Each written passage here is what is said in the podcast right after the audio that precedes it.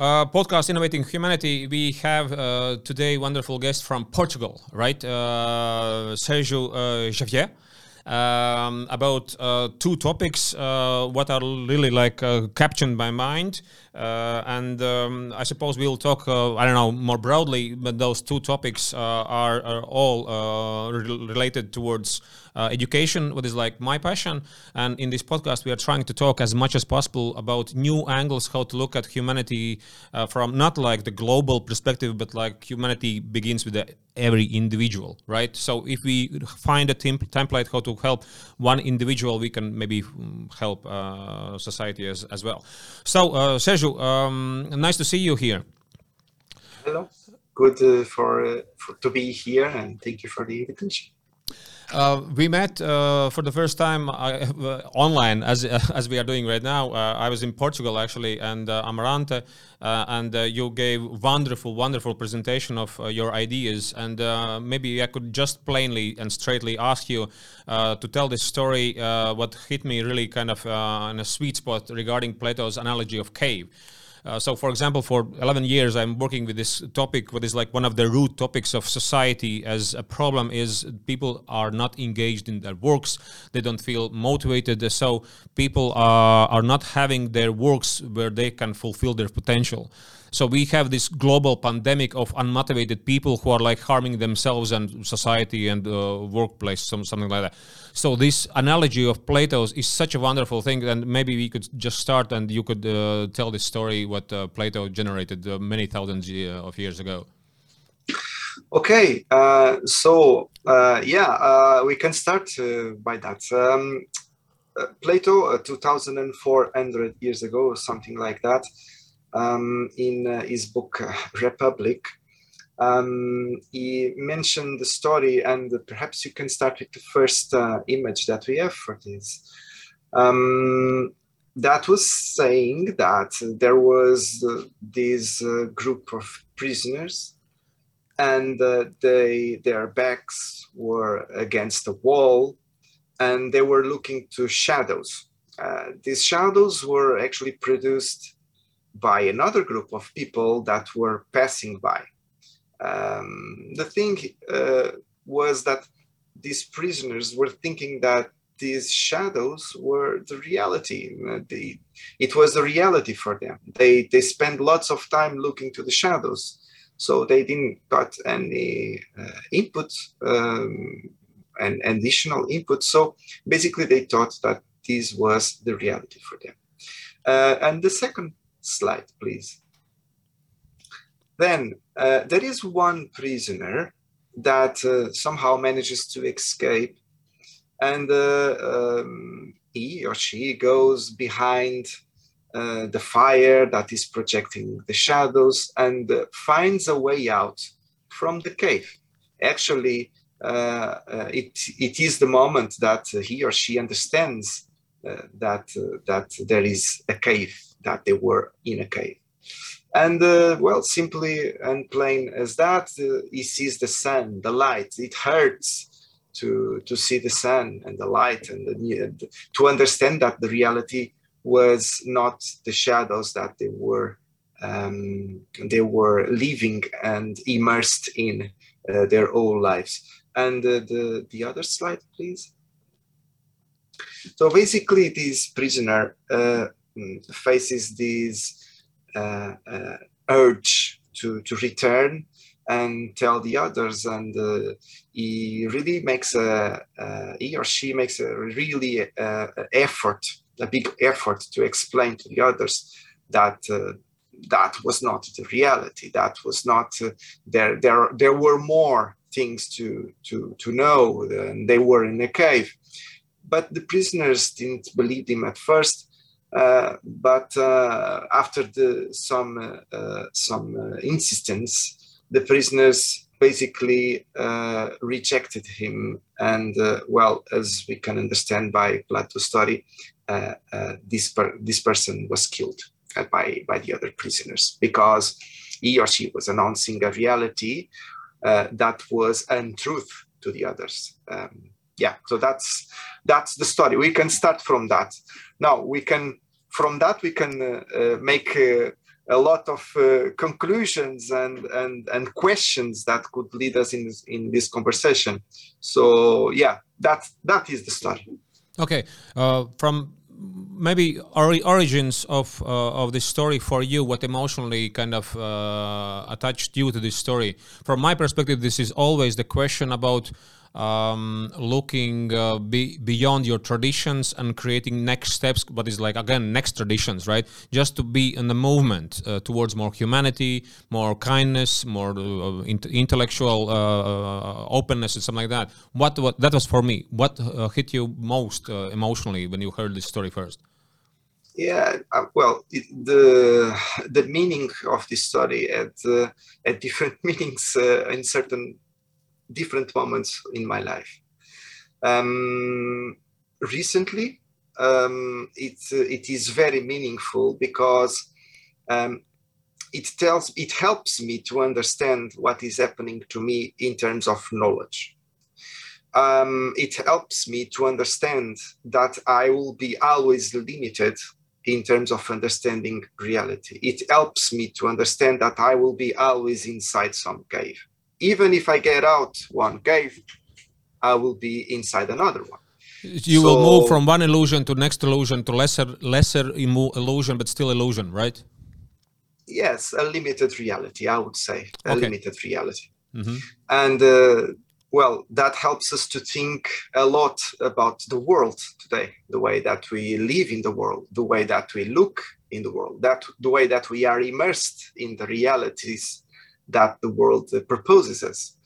Uh, the way that uh, the reality that we see is prescribed or not, if it is reflected, if it is um, what is the ownership that we have in the reality that we experience. So it helps us to think about that. That's for me the main tool, um, the main uh, uh, meaningfulness of this uh, allegory of the cave as a tool. Yeah. Mm-hmm. I suppose you have talked uh, with a lot of people with this analogy. And uh, what is the main reaction? What you get from people? What is like their main insights or uh, takeaways? Well, uh, in my experience, uh, um, people enjoy the, the to understand. Uh, it's always good to have things explained in a simple way. And when we cannot understand uh, in a simple way what is happening to us, the the different phenomena that are happening to us. so it's the, this this allegory helps to, to understand that. So it's uh, they, they enjoy. What happens afterwards, I, I'm not sure because uh, one thing is to enjoy uh, the metaphor. Another thing is to think about the metaphor. And thinking about this metaphor, if we use it to think about the world, is not an easy task because it implies, I would say, uh, for us to cut some uh, um, relations with the shadows that we are looking for to being uh, distant uh, and critical regarding to those shadows that we are looking for in the reality. So this uh, this is a different process. One thing is to enjoy the metaphor. Another thing is what we do with the metaphor. Okay, you know, uh, uh, this question sounded, I suppose, some kind of uh, strange that I'm asking what people are taking away because uh, usually we are all unique, right? We take away a lot of lot of aspects of uh, and nuances and details uh, because we have unique gene settings and so on, so on, so on. The thing is, though, is like I have this marketing slash anthropology approach to things. So what we can understand, what kind of trends do we have in society? So uh, maybe you have you have noticed some trends because uh, in terms of shadow shadows or something like that, it kind of one of the spiritual uh, perceptions of reality or philosophical uh, perception of, of, of reality. And I don't know, some portion of society could say that I don't understand what what what the bullshit you are talking about. Sorry for my French, you know, and and uh, therefore i'm asking what what you see as a main insights what your audiences have have perceived yeah okay so um, i uh, make a parallel between plato's cave and Paulus Freire uh, conception uh, when he tries to, you know, theorize what he calls the what he calls the pedagogy of the oppressed. He says that people are immersed in uh, some uh, certain reality. They are immersed, so uh, they don't necessarily have a developed sense, a developed critical sense of what they are experiencing as reality. And in order to get out of that, they need a certain process. To that process, Paulo Freire calls education. Okay? And that's why education might be an important, an important tool in order for us to understand reality. And the, pro- the process is not easy because it uh, always implies a certain kind of self transformation. Because we live in an oppressed reality, oppressing reality, as Paul Freire says. So our cave is oppressing somehow because our, there are there are people uh, with uh, the different props making the shadows. Okay, so we are having some uh, some kind of a prescribed reality. We are doing not exactly what we want, but we are doing what we are being told to do. And can we can we say this, this is like a, like the principle of traditions? So the culture. Uh, this is just a culture of established biases, established stereotypes, established uh, behaviors, uh, not not rather uh, not particularly good or bad, just established, right? Yes, we can we can say that uh, culture is one thing, um, I, I normally prefer to use a, a complicated word. I Which normally one? use the hegemony. So there are different hegemonies that uh, concur uh, in the in the apparatus that create what we are. Uh, hegemonies they include, for example, patriarchy. Let's say the power that the man traditionally, as you say, have in the world since we know uh, uh, from history.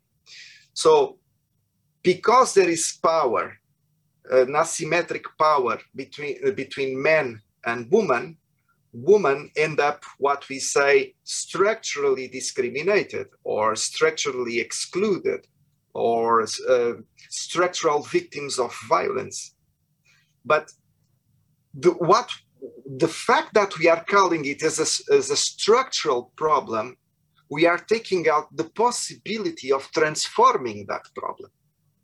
And by, by saying that, we are assuming that both patriarchy problems are, um, are uh, uh, structural, but also the idea, we are denying the idea of transforming it and uh, we need basically what we are saying is that hey you are on this cave but the cave will not change. So what you need to do is to stay in the cave and to deal with it. Patriarchy will never uh, cease to exist. This happens to racism. This happens to social inequality. This happens to many phenomena that we see as impossible to change.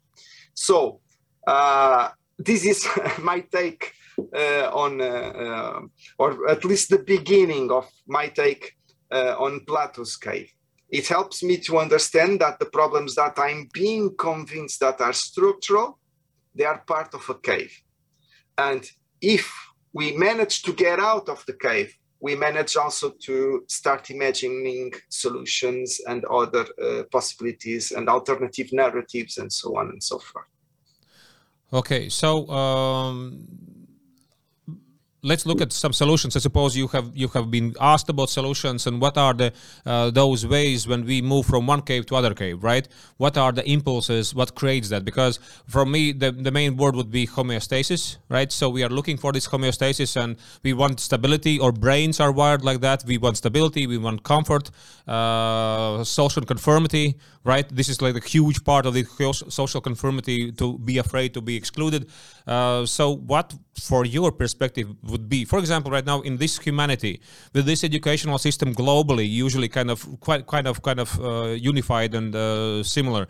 What are the impulses? What changes uh, situations? What what uh, helps th- those guys who tell others about the sun and out of, outside of the cave, not to be killed, but uh, listen to, and maybe this tribe moves to another cave. What are the impulses? Yeah, well, I I do believe that whatever is the solution, the solution comes in a collective process. This is one thing that I, I, I assume. It doesn't mean that it doesn't involve many individual processes, as you were saying in the beginning, so that I can uh, reconcile uh, with uh, the lack of knowledge that I have uh, uh, of reality, so that I can, from that, I can build up, I can develop my critical thinking. But whatever happens, uh, Paulo Freire as well, he mentions that the solution could be an educational process. But this educational process is not the educational process that we currently have and that we are, uh, well, um, um, universalizing and globalizing.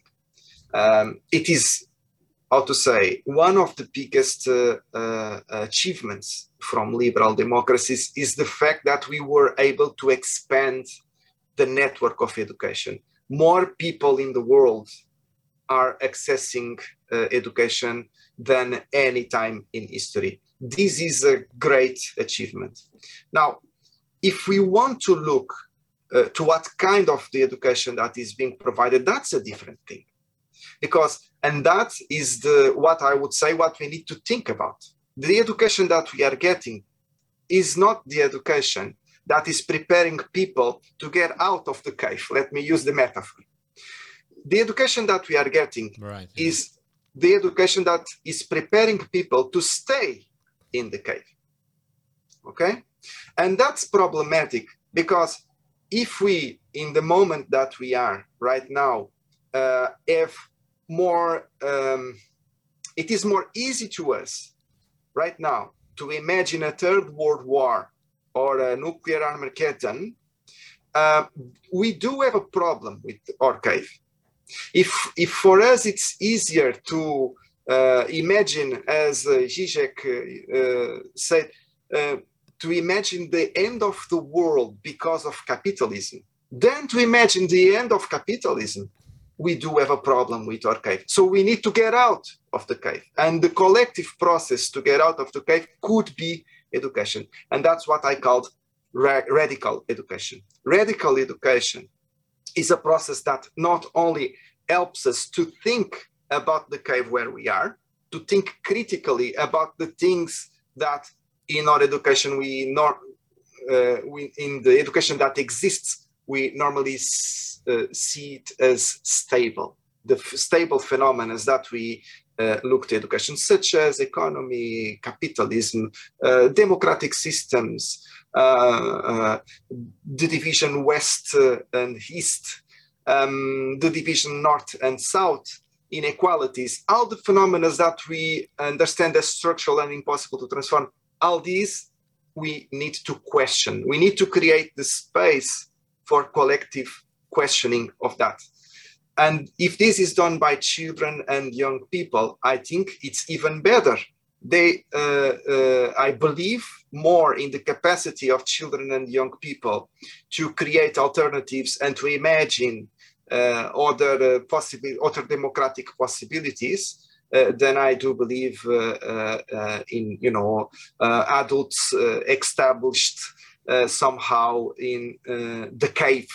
So um, yeah, the collective process that could correspond to a solution um, feasible, um, theoretic, uh, theoretically developed, uh, because I mean, uh, uh, I'm talking about Paul Freire and and the pedagogy of oppressed from Paul Freire is from uh, 68, 1968. Uh, so we are not looking to something pro, new.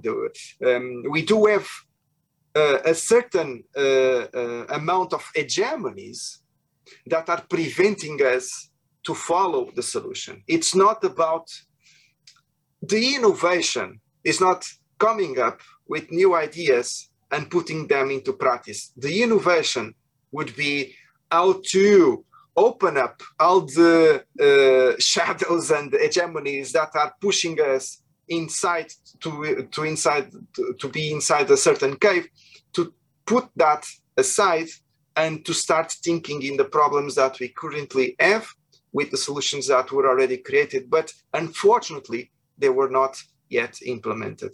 And that is the case uh, with, uh, with Paulo Freire proposal. Uh, of course, there is residual uh, implementation uh, of uh, the pedagogy of the oppressed, as, he, as he calls it, but more important than that, the principles that he theorizes there, there, there are uh, uh, uh, certain kind a certain kind of implementation of that but i think that we are very very far away of achieving uh, the solution that was proposed by by him uh, 50 50 years ago. Uh, um, for for as an edu- as, education as, an, as a process as a global process for transforming the world in, in a better place. So we do have the solutions but we are somehow uh, finding very difficult to implement them. Okay, uh, uh, uh maybe you have uh, one country in the world. What would be like the closest one to education you imagine? Could you name one? I think there is no such country because what happens with education policies is that uh, they, they can be uh, uh, uh, wherever they are wherever they are happening uh, region region of the world wise or um, uh, uh, political regime wise um, they are the same basically. This is also defended by by some writers that having education in a, uh, um, in a democratic system and having education in a more uh, uh, autocratic system. So, for example, let's let's um, let's compare uh, Finland and North Korea. Let's say, for example, uh, so uh, those both both of the. It's the same. It's the same. Education is curricular. you need grades uh, that are uh, prescribed by uh, third-party actors. You have teachers. Uh, you have a network, an infrastructure network um, that is uh, uh, normally controlled by the state or by private entities that make business from them from from that. you have the curriculum is controlled by a ministry of education uh, the, the, the people that are involved in the process, the learners, they don't uh, have much of a say in what they are learning. Um, so uh, you have a competitive process. Many things are similar uh, in, in the educational uh, curriculum. There is a, a paper from Robert Dahl from some 30 years ago that defends that uh, there is a globalized process uh, of, uh, of, of creating a, a, kind of a universal uh, education. So uh, we cannot, I don't think that we can establish a real difference between different states. Of course, what happens is that the, each Ministry of Education uh, has a certain kind, uh, a different approach, and uh, this approach is contextualized. Uh, we can say that uh, uh, Scandinavian co- countries have a different approach than the south of Europe, for example. Yes, of course, we can identify different approaches, but the you know the essential elements that make education education as it is they are uh, similar in every country uh, of the world. And that's a problem. That's a problem. Uh, in one hand, I think it underlines the idea that I was telling you about, about hegemony. Okay, there is an hegemony, uh, an, an, hegem- an hegemonical tendency in the way that education is deployed. And the proof of that is that education policies are probably the most similar policies in all the world between each uh, each different country.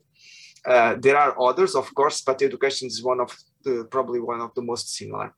Um, so having uh, having this uh, power um, in, in, this lack of power in deciding what happens with our education, okay, uh, it also it's another obstacle for us to transform education as we uh, would like to do so. Another uh, another thing to answer to, to your question is all of us we know what is wrong with education. We know we we might have more or less reflection about it, but as as parents, as learners, as teachers, as decision makers, policy officers, we know that education is wrong. We don't know how to solve, solve it, but we know that it's wrong. It kind of doesn't work in, in that sense. More, more. We might even know how to solve it. Okay. But we are we are not managing to do it. And the question for me is why? Why aren't we uh, able to solve that? And I think the answer to this question comes back to hegemonies. We don't have enough power to transform something that is wrong. Okay, so hegemony uh, is a concept that the more you could you you can make whatever you you want uh, you can you can exercise uh, whatever you want but you will not change something because we all somehow uh, make this to be the same we all somehow make pressure so that the shadows stay Okay, so we are all in the cave and we are reproducing what the shadows uh, say. So uh, I I'm not sure if I responded to your question, but this is my take on uh, on uh, on hegemony and uh, what is the educational uh, problem behind it. Okay. Uh, I would like to talk next topic about uh, impulses, what makes societies to change, uh, let's say from anthropological uh, perspective. But first, I would like to just to, to, to, to rewind it a little bit. Uh, when I asked you about the similarities regarding Finland and North Korea, I suppose you would shock a lot of guys, a lot of people that you will say, yeah, that's the same. Uh, it's like, what?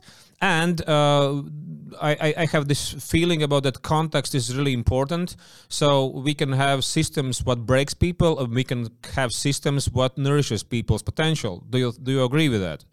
That the system is not the, the worst word in the world uh, worst word or meaning in the world. Uh, it's like the system. The system can be good for creativity. System can be uh, oppressing for creativity. So uh, what did i hear it wrong? That system is the uh, at the core of it Perhaps. So coming back to uh, the comparison between Finland and North Korea, um, you can read the theoretical framework for that from Henry Giroux, a Canadian educator, uh, still alive, expert in critical uh, culture uh, studies, and uh, and uh, he writes about education. So this is something that you can find more developed by Henry Giroux.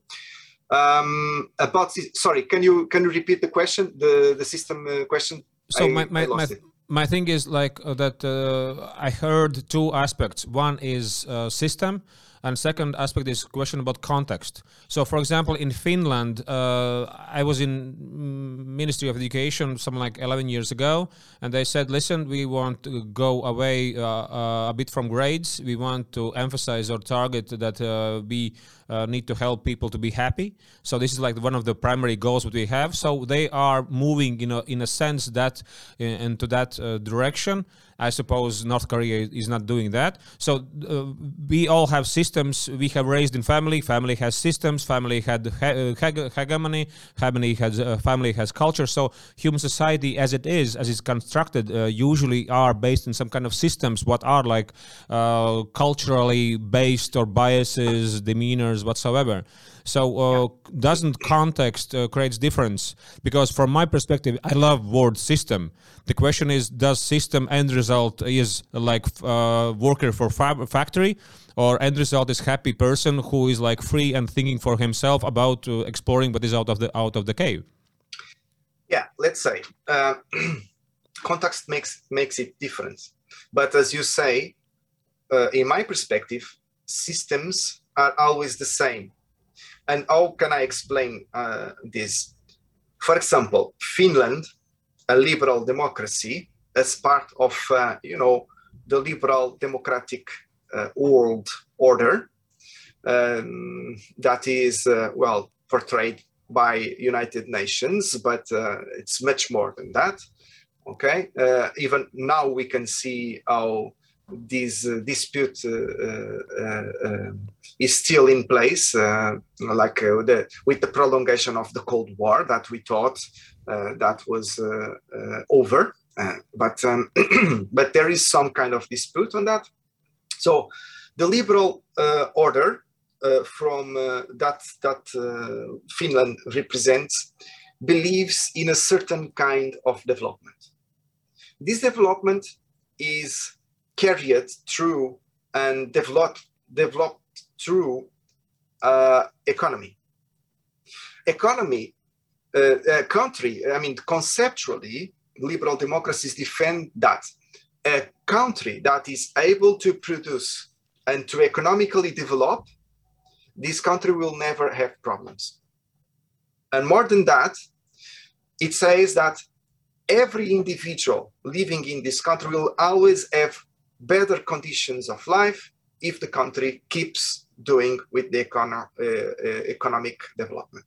So what Finland makes is to register their learners into the corporative market, create the conditions for the learners to participate in this economic development in order for them to get more conditions and for the country as overall get more conditions. So basically, econ, uh, uh, educations in liberal democracies, they are economic centric.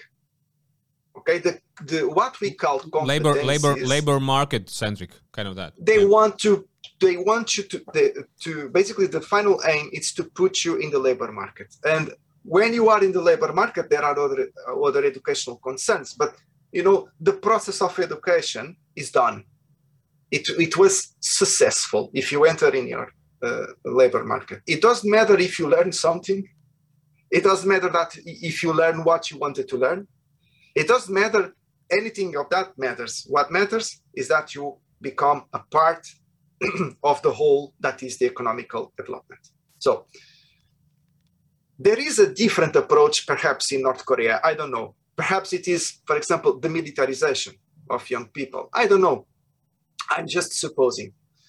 But there is that is change. That is that is different between Finland and North Korea. What is not different is that education still serves a purpose that is bigger than the learner, bigger and smashes completely the, the aspirations of the learner smashes in the sense that the aspirations of learner don't matter at all. It doesn't matter, for example, if the learner, instead of participating in the development of economy, wants to question the development of the economy, and more than that, wants to transform the model of development of economy. It doesn't matter if the learner uh, questions the model of work that puts the learner from eight to five in a certain job that he or she doesn't want to have. Um, it doesn't it doesn't matter if the learner has some sort of proposal, some sort of alternative, some sort of you know imaginary that wants to be that that uh, he or she wants to construct in order to create a radical transformation towards everything everyone is seen as something wrong. I don't know. Perhaps the job market is changing uh, from uh, 15, 20 years uh, uh, uh, until now. We now have different phenomena like the digital nomads or uh, the tele telework. there are many things that are changing in work, which I would say they, they create more flexibility, at least in, in many cases. In other cases, not like that but uh, at least they create more options uh, to some to some people. But still, we need we still need to have a wage, a, a form of income in order to access what we now call human rights. The Universal Declaration of Human Rights, we might say that is a very important document, and I do say that, it is a very important document. That was an achievement from liberal democracies. Still, it is a document that says also uh, here is your shopping list because without money you will not access these human rights okay so and i'm talking yeah, yeah. so the, the thing and, what I, I, understand just just to summarize uh, uh, uh do i understand it correctly that uh, instead of not just only going as um, education the tool for preparing us for labor market we have to take um, care about what human being itself wants uh, and it can be whatever it, it can be, right? It can be myriad of, uh, of opportunities and wishes and dreams and whatsoever, kind of that. Uh, not to just structureize this person, this human being in terms of habits, uh, skills, and something like that, just for the labor market, right? Yes. Uh, what we have now in education uh, is a tool for alienation. Okay, it's continuous alienation in a certain proposal of reality and a certain proposal of living life. Okay, we are alienating. Sorry, uh, what is what is opposite of alienating for, from reality? What uh, in your terms? liberating. Uh, if if people instead of being of being proposed to be alienated in a certain prescribed reality, prescribed path of life, if they are proposed to question mm. the prescription of that way of life, only uh, only there you'll start having a different education. Wonderful, uh, Sergio. Uh, just uh, I, I, will throw you uh, one one idea that comes to mind uh, when I'm thinking about that because, from my perspective, education uh, should uh, serve for three purposes, three goals. One, to learn about yourself, who you are, what you want to be. So this is the first person uh, uh, kind of task of education. It is mindfulness, emotional intelligence, a bit of spirituality. Who am I? What I want to do, and it includes some kind of questioning where I am, what do I want to do. Second one is preparing for family life, whatever family you want to have, because family is a, such a huge skill set. What you need to have in terms of communication, in terms of empathy, blah blah. And third is labor market. So the, those three aspects, what I would say is really important in terms of your concept of radical uh, education how it, uh, it does it work uh, like that or, or well, you, I, you, can I, you can I, you can crash me whatever you just just be just be straight no, no, no, no, be radical no, no i think i think the, I think it's nice to have to, these principles. Okay, I think it's good because uh, they make us think and they help us to uh, to reflect about uh, about what is good, what is wrong uh, with education. I would say that uh, registering people in the labor market uh, would not be a principle that I will take. Why? Because I will be more concerned in questioning the labor market. So I will not start by saying, so what would you like to do in the labor market? I will start by asking, how would you like to question the, the labor market? Or I'll say, what, what do you feel about the labor market? Okay. And from that, we can uh, start the construction of other imaginaries. And the imaginary, for example, where a world without labor market exists. Okay, where a world where people don't have necessarily income uh, to access their uh, human rights. Human rights are accessed in other way. The problem is that because we don't we cannot imagine such thing because such things because we are looking to what we call structural things, uh, uh, hegemonies. Uh, we don't even think that education would be useful in doing this kind of task. And this is, uh, I would say, in most of the minds of uh, you know who designs educational policies and uh, who implements them as well of course, you can do different approaches, as I was uh, saying uh, before. You can have different methodological approaches, but in the end, the result, uh, uh you know, we often divide formal education uh, and non-formal education.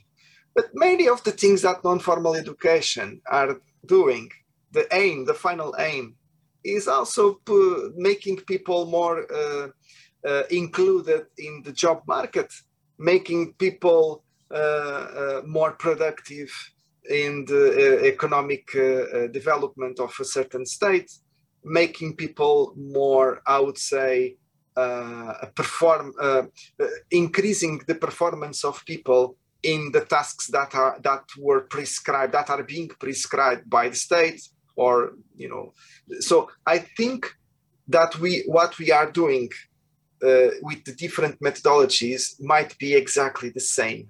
Okay, um, some of the methodologies are perhaps more are, are, more humane, are more uh, funnier, are more, uh, uh, so to say, careful. They have more quality, but still, in the end, uh, the aim uh, would be exactly the same. What will be the purpose? Let me be you say that I, I could be shocking people by saying that uh, Finland and North Korea uh, education systems were basically the same. I still saying, and I think I explained why. Now, uh, um, human rights. We have what is called in Europe. We have what is called the political agenda of human rights education. This agenda is not is not uh, so recent. Uh, it has uh, uh, perhaps 30 years, something like that, in Europe, and um, and we basically aim to create a certain cultural, a certain culture of human rights, like a glo- global culture of human rights, which means that people will not question the declaration of the Universal Declaration of Human Rights or the European Convention of Human Rights. Uh, they respect human rights but they don't go beyond human rights. So this is also a way to reproduce a certain prescription, the prescription that the only way to access dignity, human dignity, is through human rights. And these human rights are a normative document that is the Universal Declaration of Human Rights. That is problematic. And why is that problematic? Because so, of so what I problematic said that we are not questioning and not going beyond and deeper. Exactly. Okay. Exactly. Okay. Exactly. Why why is that problematic? Because for many people in the world, indeed, this works because people have the means to access their human rights. The Universal Declaration or the shopping list, okay, to be more uh, ironic, uh, the shopping list works for the people that are able to buy the products of the shopping list. But the people that are unable to buy the products of the shopping list, they always have to rely in different ways to access this uh, human dignity. And the problem is that if human dignity is something basic for every human being, why it is not basic for the ones that are not able to buy uh, the products from the shopping list?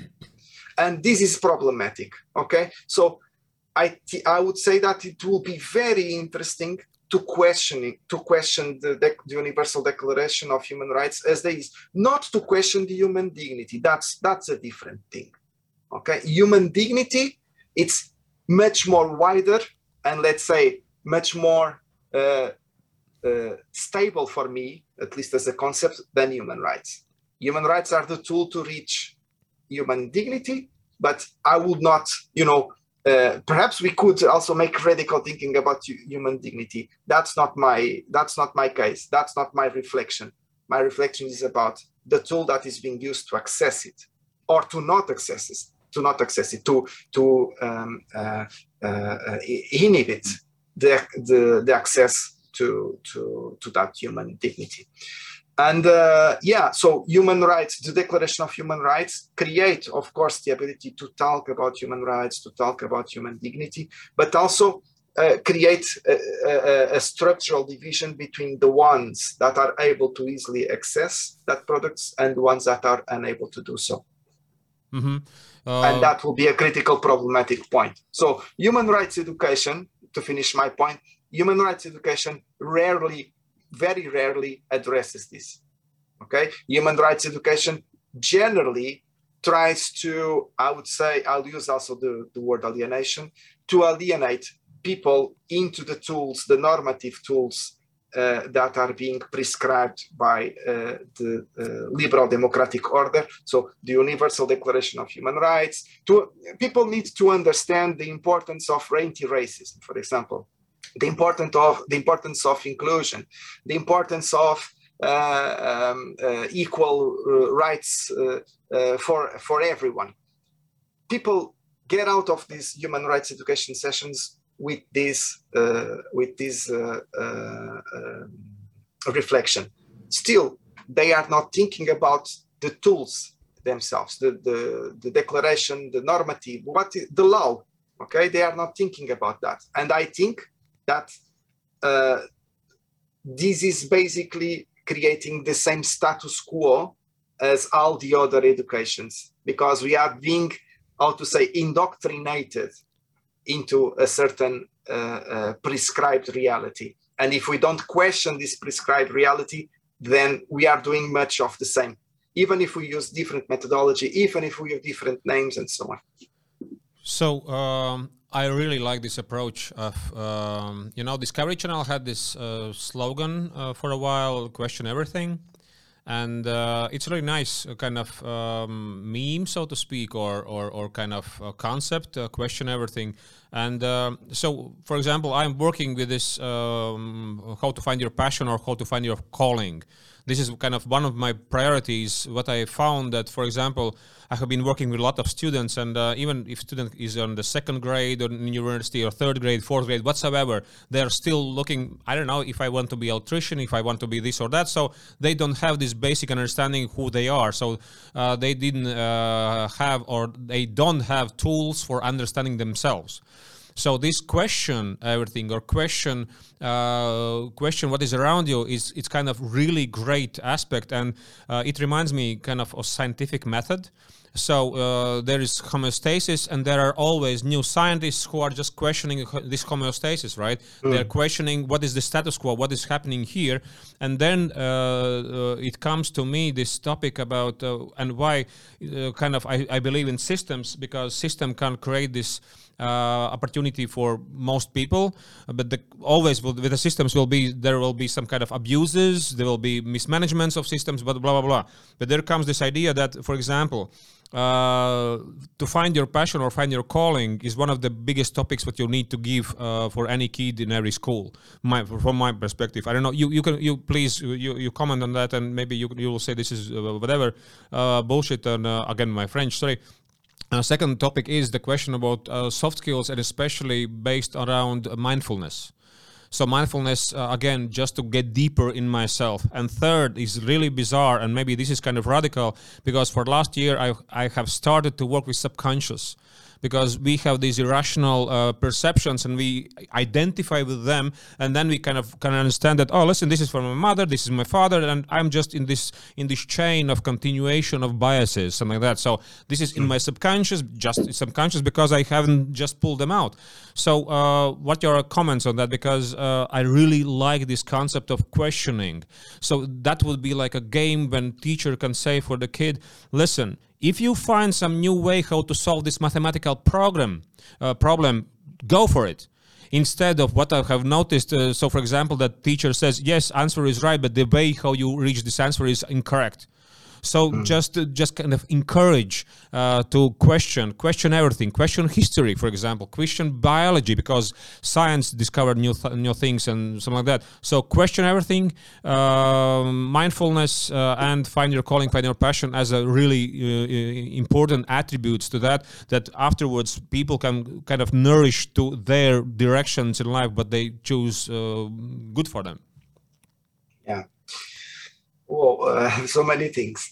No, I think that um, uh, in order for us uh, to question something, I think it would be important for us to have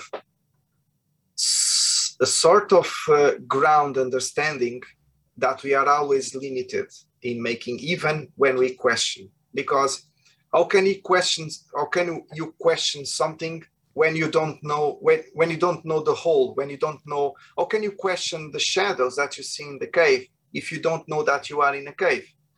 Uh, there are many other things. There is light there is the sun that creates reality but you only have the shadows. How can you question the shadows if you don't know that there is a sun? So there is always a kind of um, paradoxical uh, uh, thing about questioning because you are questioning the reality that you have still how can you question the reality that you have if you don't have the other tools for you know contrasting with the reality that you have? And that is that it comes with time i think. It's the only possibility. You you do the exercise as you're saying of questioning and that exercise it's putting you you know progressively uh, outside of the cave. It's giving you some glances and so on. So that uh, at some point perhaps after some years thinking about a certain a certain uh, subject you would be able to uh, really uh, uh, think about the sun because already see it. But but you need time in order to see it. So this is this for me would be a basic principle. So when people find their passion I think there is, uh, well, there's lots of uh, literature about that for sure. Uh, passion is, uh, I would say, a very, very interesting subject because also it's it's also paradoxical. I could find my passion by looking to the shadows. Perhaps, yeah, absolutely. Perhaps I don't. Absolutely. Perhaps yeah. I don't. Perhaps I don't. So, how can you find a passion, or can you find like your big aspiration, your central aspiration, if that is something that you're looking forward to, how could you find if what you have, the the the stimuli that you have is a limited uh, stimuli?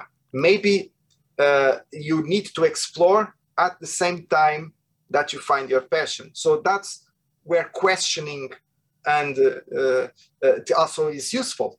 So you while you're in the process of uh, understanding what is your passion maybe it's also important to question your passion. I don't know. Uh, i could sorry sorry i couldn't uh, couldn't agree more because I, I, will send you my book. So i have this book uh, 11 rules how to find your passion.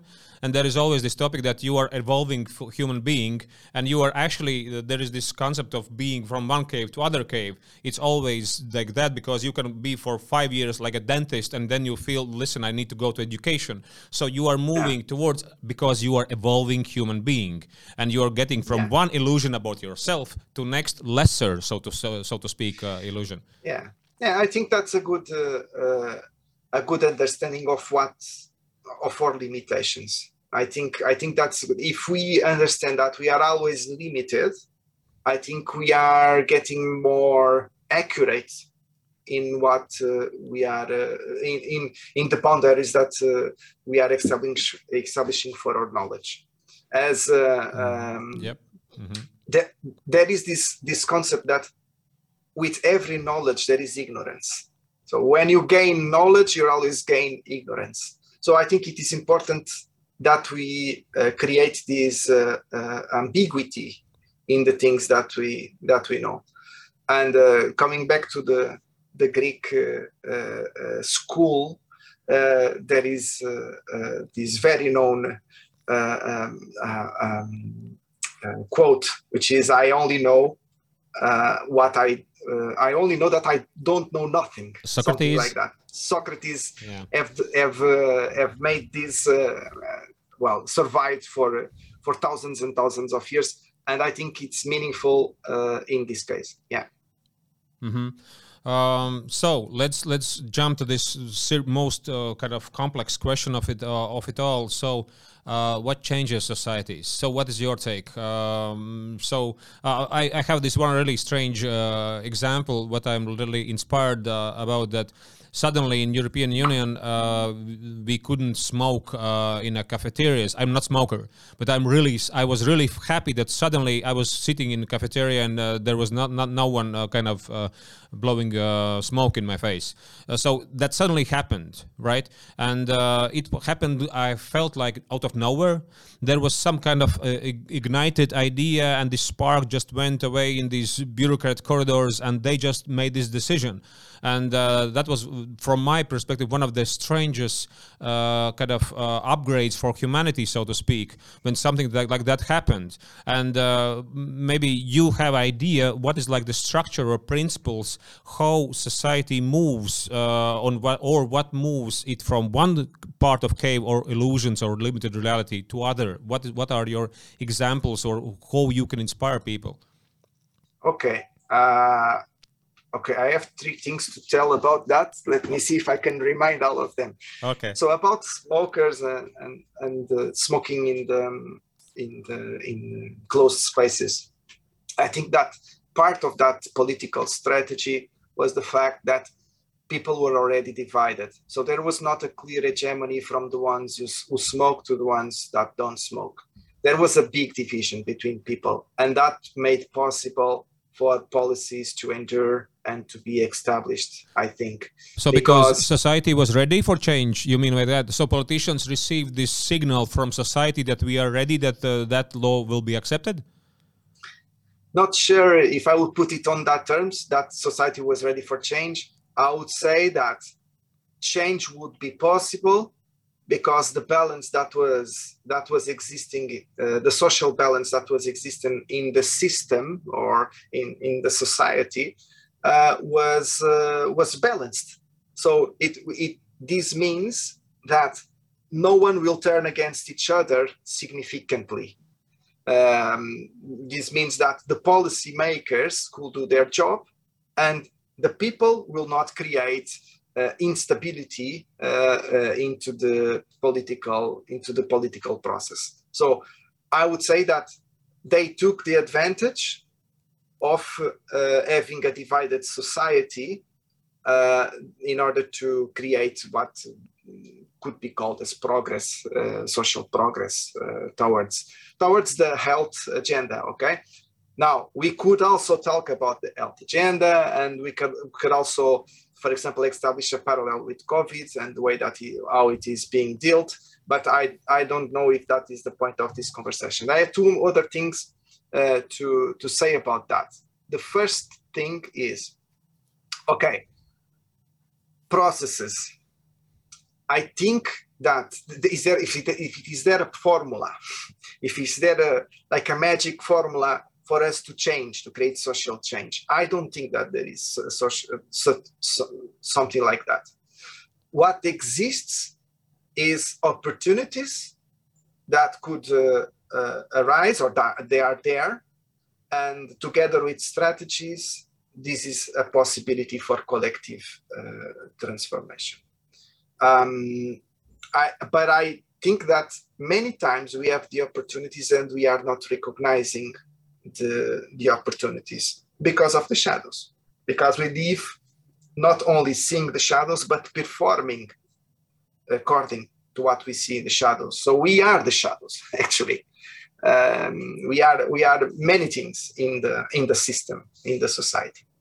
So I would say for me, one thing that I think it is important for us to uh, interrupt uh, this idea, this grand narrative of the end of history. So when the Berlin Wall has fall in 1989, we uh, we look to the world in a different way.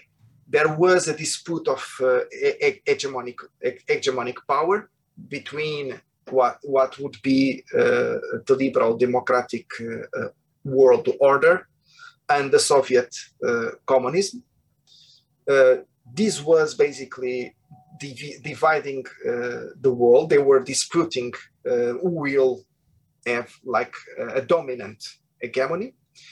And clearly, at that moment, liberal democracies have won. The democracies of uh, capitalism have won. And this hegemony was established. There was a writer, a North American writer called Francis Fukuyama, that developed this concept of the end of history. He didn't develop the concept actually. He updated the concept. It was like a prophecy from Kant that you know 300 years ago someone has told that the history will reach a certain point of development that will reach its end. There will not be any more significant development steps. And then Fukuyama, uh, he picked the historical fact that the, the, the resolve of this hegemony between liberal democracies and Soviet communism. And he said, okay, now liberal democracies are established as the dominant universal form, uh, the most uh, the most um, uh, perfect uh, universal uh, form of government and uh, now uh, we, uh, we will uh, basically uh, have reached the end of history. There will be no more significant updates, historical updates, in terms in terms of civilizational process. Okay, but I think that we are um, stigmatizing ourselves uh, in in the cave if we do that. That's, because that sounds terrible. Absolutely, yeah that's as terrible as it sounds i think. Yeah yeah yeah. We do we do have a problem with that. Because if we don't believe that there will not be any more significant step uh, uh, in history it means that we are as Paulo Freire says de-historicizing ourselves. We are not we are we are we say it is funny that because we say that we can participate in society but we are not supposing that we are making history. It is very interesting. This this is paradoxical as well. We we we we make uh, training courses about uh, you know youth participation, uh, citizenship, uh, uh, and so on, but all that is limited by the boundary of the end of history. So, yep. sorry, sorry, way, sorry, sorry, just just uh, to say that uh, th- there is this analogy. What I'm usually uh, uh, I'm telling in my learning courses about brain. Brain has just two states: it grows or or it goes uh, in degradation.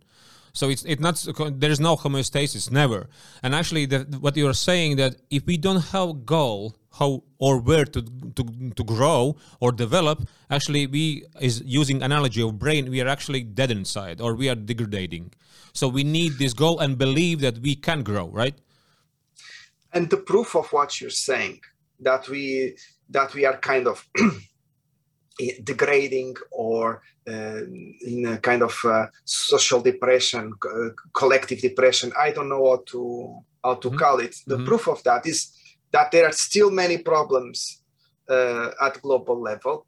Uh, well, I mentioned some of them, but we can go for more specific ones. Um, we have uh, an ongoing uh, refugee crisis uh, in Europe, an, on- an, ongoing and growing uh, crisis in Europe. I'm not talking necessarily about the recent events in Ukraine only, these are, these, those are serious events, but we are still having a crisis that lasts for uh, 10 years uh, almost uh, in the in the Mediterranean. So uh, I, I, think that uh, this is the kind of problems that we know that they, they exist and we are uh, being unable to solve to solve them. So the proof uh, of that, that we uh, are uh, reaching the end of the, the, end of history is not so productive to us is that we are not an able, we are not able to solve this kind of um, of problems now I forgot what I wanted to say. it comes with complicated uh, conversations. Sorry for that.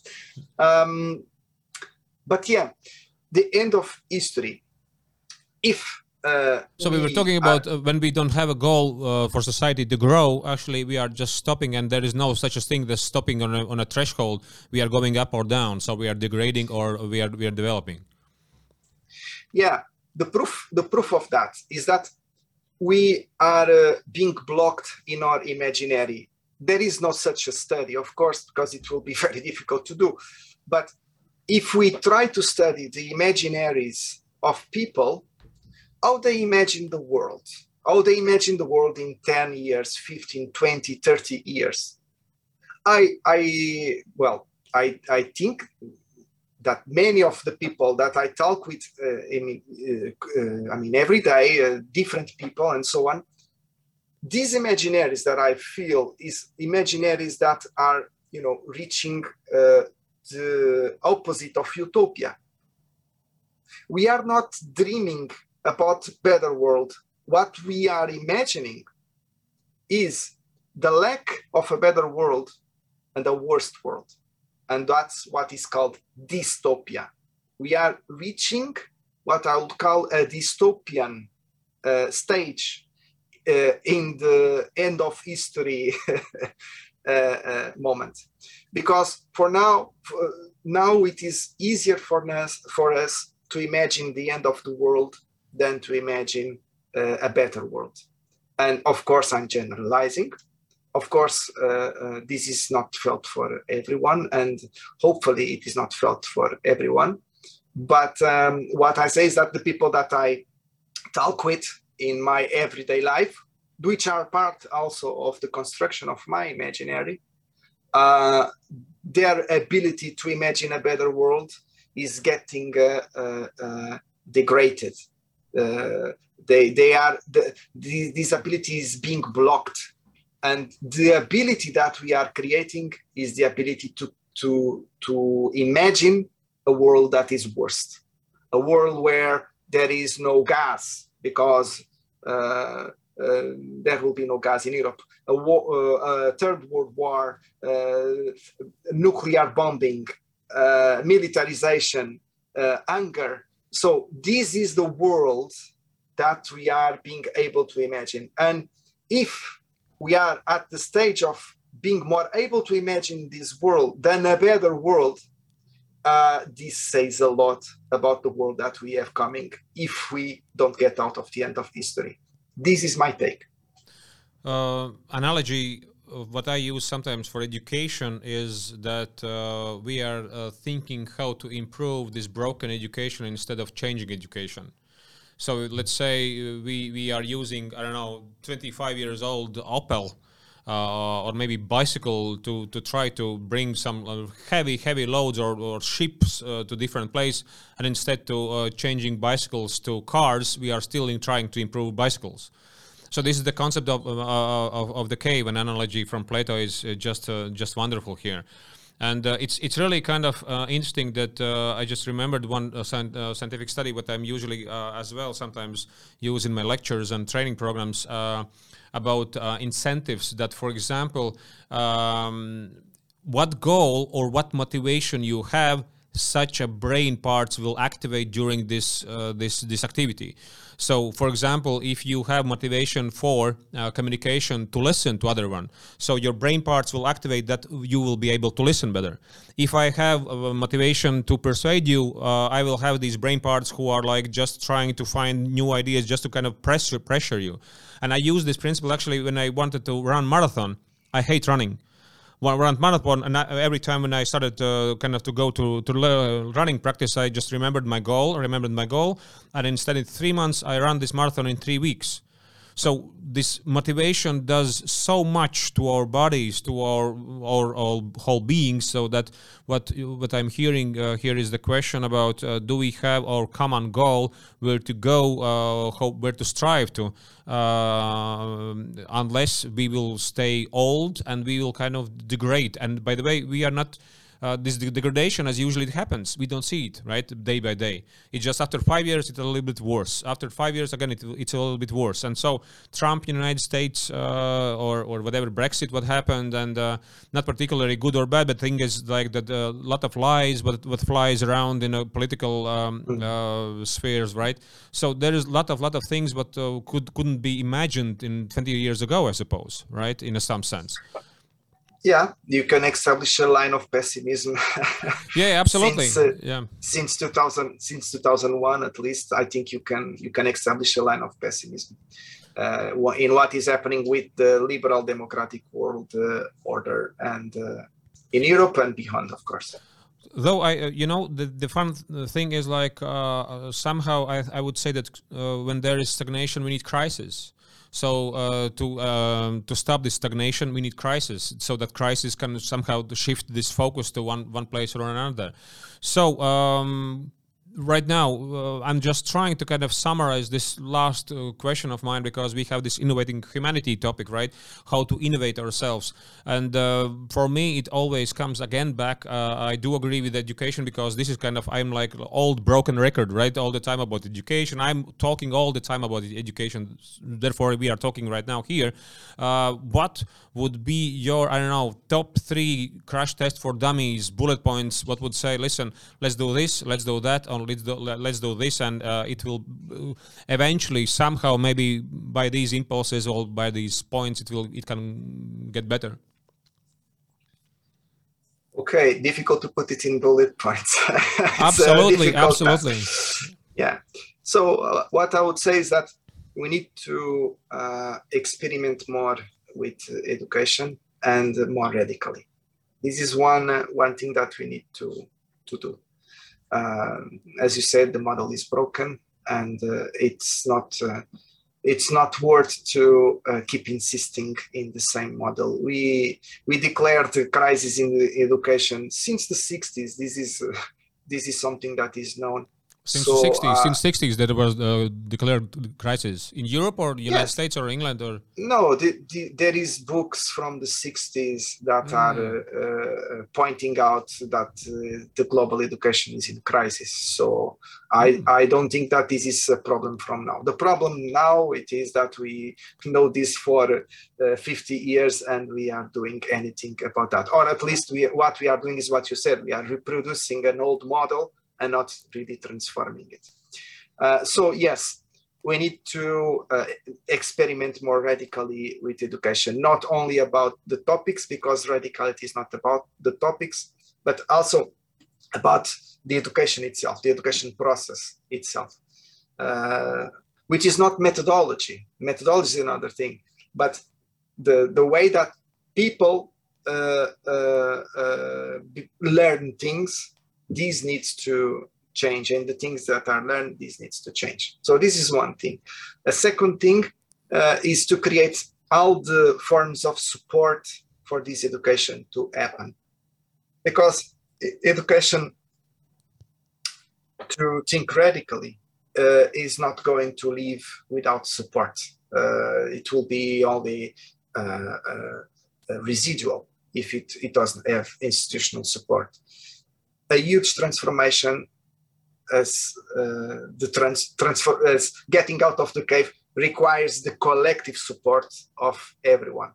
And because also there are risks in when you promote radical education professional risks uh, uh, social risks uh, by doing that uh, you really need that support uh, to happen.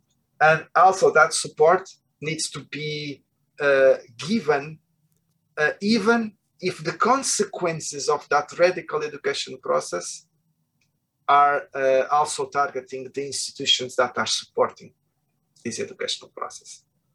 And this is very difficult to accept. This is very, uh, how to say, uh, radical. but institutions need to open themselves for this kind of vulnerability in order for, for this to happen. Also, uh, then the other actors, the individuals that are promoting education. So educators, uh, teachers, uh, youth workers, um, uh, educators in kindergartens. I mean, all the, the, the people that are working in education, they, I think they, they could go through an individual process and understanding at which point they are in the cave and to understand what they need to do in order to promote a more uh, uh, radical thinking uh, education. So, uh, because if they are the reproducers, they are the front line of rep reproduction of a system that we know that is not working. And even if they try to be the best in what they are doing, they have the conditions of the system. So we need people that could question the conditions of the system and could experiment uh, more radical forms of education in the front line. There are risks with that. Uh, and that's why you need institutional support and social support uh, uh in general. So that's what I would say. It's not that simple, but that's what I would say. Interesting that um, the first time when I hear, uh, heard in uh, Portugal this concept of uh, radical uh, education, what I understand from marketing perspective or how ideas, how ideas uh, kind of integrates in society, the word radical means that it will be slower. This is one of the basic strange paradoxes that, so for example, if you say something like, everyone is doing this, so this means it's not radical. It will go farther, quicker, deeper, and something like that. So, uh, in terms of marketing, when you say word radical, it's kind of uh, it it is really well understandable for philosophers, I suppose, from anthropologists, uh, from uh, educational people who are looking for change. For for ninety percent of society, it could be like a stumbling block. What, what uh, stumbling block? What what's your take on that? The word radical is being the meaning of the word radical is being disputed uh, since ever. So not, not since not since ever but uh, since the the 19th century, I would say uh, there is a, a, an increase uh, dispute uh, regarding the concept of uh, of radicality and what is radical and so on. In the last uh, eight years, ten years in Europe, it's being disputed uh, because of the anti-terrorist uh, laws. It started with uh, well a terrorist attack. Uh, this uh, attack led to uh, a, some, a, certain kind of direction in European policies, and the the concept emerged as something that needs to be prevented. So many policies in Europe are articulated anti-terrorism with youth work, for example, and they call they call themselves prevention of uh, uh, radicalization as if uh, radicalization were something to be prevented. That's not my uh, um, that's not my perspective. I need, I think that other things need to be prevented. Violence need to be prevented. Perhaps extremism needs to be prevented. But radical thinking for me it's essential, and it is a right that people have uh, a fundamental right, I would say, that people have. Because if we do that, we are also um, we are also slicing the right that people have to think. I need to be able to think radically. This is the list that uh, that uh, that I ask from my right uh, to to think. So um, radicality does not need to be prevented other things need to be prevented. So that narrative of uh, uh, uh, the radical as something bad, as something coming from the far right, as something coming uh, articulated with violence, this is the concept that we need to deconstruct in the next years in Europe. Uh, I mean, at the, at the, academic level, I think that everyone knows. I think the the big, uh, um, how to say, uh, the the big misunderstanding was at the political level when uh, when this uh, when this happened, not at the academic level. If you're going to read any paper about if it is commissioned or not about um, uh, the prevention of uh, of uh, radicalization. This paper will always start with a framework of what is the radical, and we'll try to deconstruct uh, the, the concept that was being built politically in Europe in the last years. So I think we we have to deconstruct the, the that as well as educators. Um, and also, you said, what did you said? I forgot. you know, uh, Sergio, Sergio, I'm I'm just. Uh, okay, uh, one short story. Uh, there were guys who were offering my uh, that uh, for TEDx, for example, me as a speaker, a speaker, right? They said, "Listen, let's uh, let Zuarguss go and uh, have a spe- uh, speech." And two times I was offered, or I don't know, I just know from the guys who were offering me, and those guys uh, who were like deciding who are going on to speak, speak or not. they said he's too radical. And what I understand in terms of uh, homeostasis again, on, on uh, in terms of traditionalism, so the basic uh, Maslow pyramid, two bases are really the strongholds, right, of this of this cave on these tra- traditions, and uh, safety, safety, and then safety uh, are the main words. So what I understand from ter- in terms of marketing, so for example, if even 90% of society wants change, they will have this change allowed uh, when you use some kind of symbols or words what they accept and what they associate with uh, whatever words associate with safety. So in these terms, uh, I I receive and, and, I see you as a scientist uh, who uh, speaks plainly as semantics of these words mean, right, from etymology and so something like that. What I am kind of uh, thinking right now is just about marketing perspective. So how to uh, society ease into this change. So you are the one who is coming from uh, from the upper levels of the cave and not to be killed, right? So not let let's not yeah. use these words. Let's not use these words. these words these words are not these are not these words are not usable, and so on, so on, so on. Yeah, I I can uh, how to say I can uh, I can understand this uh, uh this approach. The problem is that if we uh, if we stop being able to use our language in order to create meanings, and if we start engaging manipulation through language, we are start uh, we are creating a communication artifact as well because we we because we are trying to stop prescribing uh, the pres- prescription in society we turn ourselves as prescribers. And i don't want to do that. So what i do what i try to do as a scientist is to provide things as they as they are as i see them. Of course there's a limitation uh, an individual limitation on them. And from that people can do whatever they want with that. So I don't went through, you know, secondary words if the meaning that I wanted was radical education. If I lost uh, 300 readers of uh, of uh, my papers or whatever, uh, okay, I can deal with that. It's it's okay. Uh, I can deal with that. But in the end, my contribution is for the ones that could uh, read and create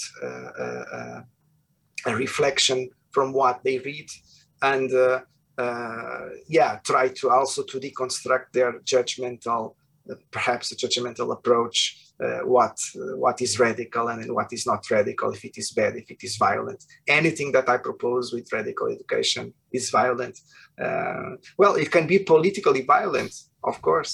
It's because it's in, not it physically implies, not physically violent just to be clear right? It's kind of just in, in terms of change. I yeah i don't I don't uh, I don't uh, write about physical violence. Uh, I don't write about violence actually, but um, but but I think I believe that social this kind of social transformation processes uh, can be violent, can be perceived as violent uh, for for many. Um, they will not be transformation if the, this uh, this doesn't happen.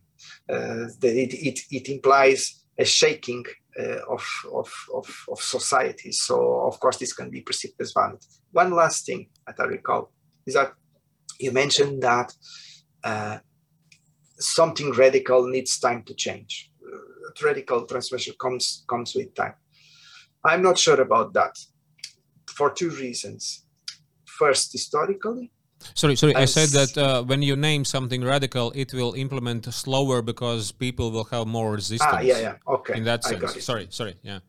Okay, got it. No, I am sorry because I understood the, uh, mm. uh, wrongly. Yeah, because a lot of lot of lot of things has happened uh, kind of in a in a in a daytime yes. or revolutions or something like that. The question exactly. is how to how to sustain it, how to implement it, and exactly. how to be like in especially exactly. in a human way, how to come prolong it. Exactly. But two points about this still, which is if we look to processes as the French Revolution, uh, those processes, I mean, the revolution itself didn't, didn't take more than 10 years or something to happen. This was actually the first process that work was called a radical uh, change in terms of uh, uh, uh in, in, political terms the origins of the word radical used uh, politically come from the French uh, Revolution, which is one of the steps that many find fundamental yeah, in sure. the birth of modern democracies. Or scientific revolution through Newton and uh, Einstein and Bohr and something like that. Yeah. Okay. So mm-hmm. many of the things that we called uh, uh, radical in the mm-hmm. past they are part of the democracies that we enjoy today. So, how could we stop the radicality if we are if we want to keep uh, democratic the, the, democratic development uh, that we are, uh, uh, you know, looking back to history. It does mean that I'm into that democratic development. I'm just saying, pointing out the finger to that paradox. It, it is a contradiction uh, that we that we that we can find uh, in that. Also, about time, I think that democracies, liberal democracies, play a trick on us, uh, which is to say that the so-called structural problems take time to to transform. Of course, we, we can also see proofs of different transformations in rights, for example, women rights, refugees' rights, um, LGBT uh, communities' uh, rights, and so on, we can see some kind of progress in, in these rights. But the phenomenon stays. There we are. We have uh, still have uh, um, homophobia. We still have racism. We still have uh, social inequality. We still have uh, in, gender inequality. So the phenomena will stay because they are structural and the trick that is being played by us is that it will take so much time to change that uh, when it is not changing in 20 years, we don't for we we we forgot already that it didn't change. Uh, that actually it was the same problem that existed 20 years ago. So in democracy, we have this idea that transforming structural things takes time. My point is not necessarily it is not necessarily like that. Another thing that you that you were mentioning was uh, I forgot, but uh, sorry. sorry. Listen, we, we, we, have had it's a complicated a complicated topic but this uh, is complicated topic yeah. and uh, this is really important topic and i suppose that uh, we have talked with uh, something like half an hour uh, hour and a half uh, really really intense conversation and honestly I, I, think that uh, we have given for our viewers and listeners plenty to think about and uh, and um, i just thought that uh, we will have this i don't know I would say deep conversation uh, from unusual angle, and it it kind of exceeded my expectations, really, Sergio. Uh, and uh, this this topic uh, about uh, Plato Cave, about uh, how we perceive radical and human rights aspect, and that systems, and this this is hugely important. And for me, as a human being who likes anthropology and marketing and education and political kind of systems. I think uh, there lies lot of lot of topics, and uh, what I what I hear from you, you are like true scientist, who is like uh, with your in- integrity, you speak your mind, uh, you speak your belief. The question for me is like uh, what, uh, how it can be cascaded down, calibrated down, or scaled down, right, to these I don't know impact makers, decision makers, how it can change because there's there is lot of lot of aspects uh, to it to digest, and uh, at least I will think about it uh, for a while. Absolutely, and uh, you know what I can promise. Uh, uh, that especially in YouTube or, or on Facebook or whatever Instagram, and we will put these these these conversations out. I will add your your paper of radical education. that would be okay. Yeah, absolutely, oh, absolutely. Go through it. Uh, and uh, please uh, go dig in deeper. And um, I just really hope that some smart guys will listen and find your concepts really appealing. And I suppose you can be found on social media and so on, right? Um, not much. I mean, you can be contacted. Much, but but yes, yes, it will. It, it can be manageable. Yes, yes. Okay. I'm approachable. That's that's what I mean. Yes. Yes. Okay. So uh, anyway, I just I, I, just conclude this uh, conversation with uh, with uh, my, my impression that the uh, first time when we met in uh, Portugal again via online, I I was really kind of touched by these analogies from Plato and your concept and.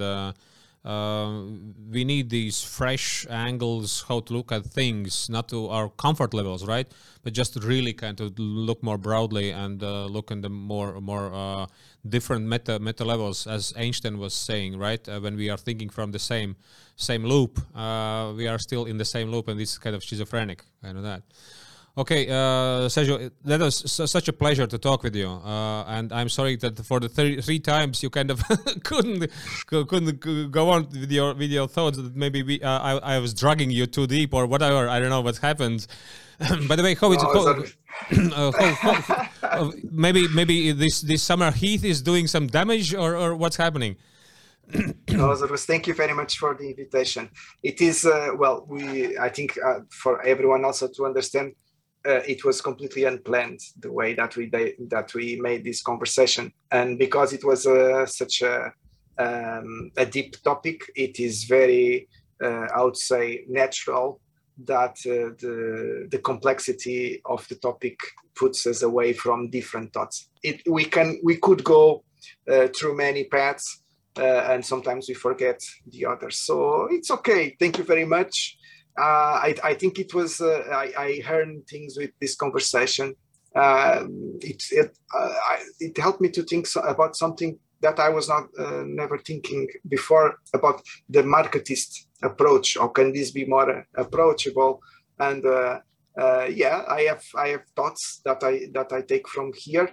And um, yeah it was a pleasure to be with you. Thank you for conducting us through the the conversation.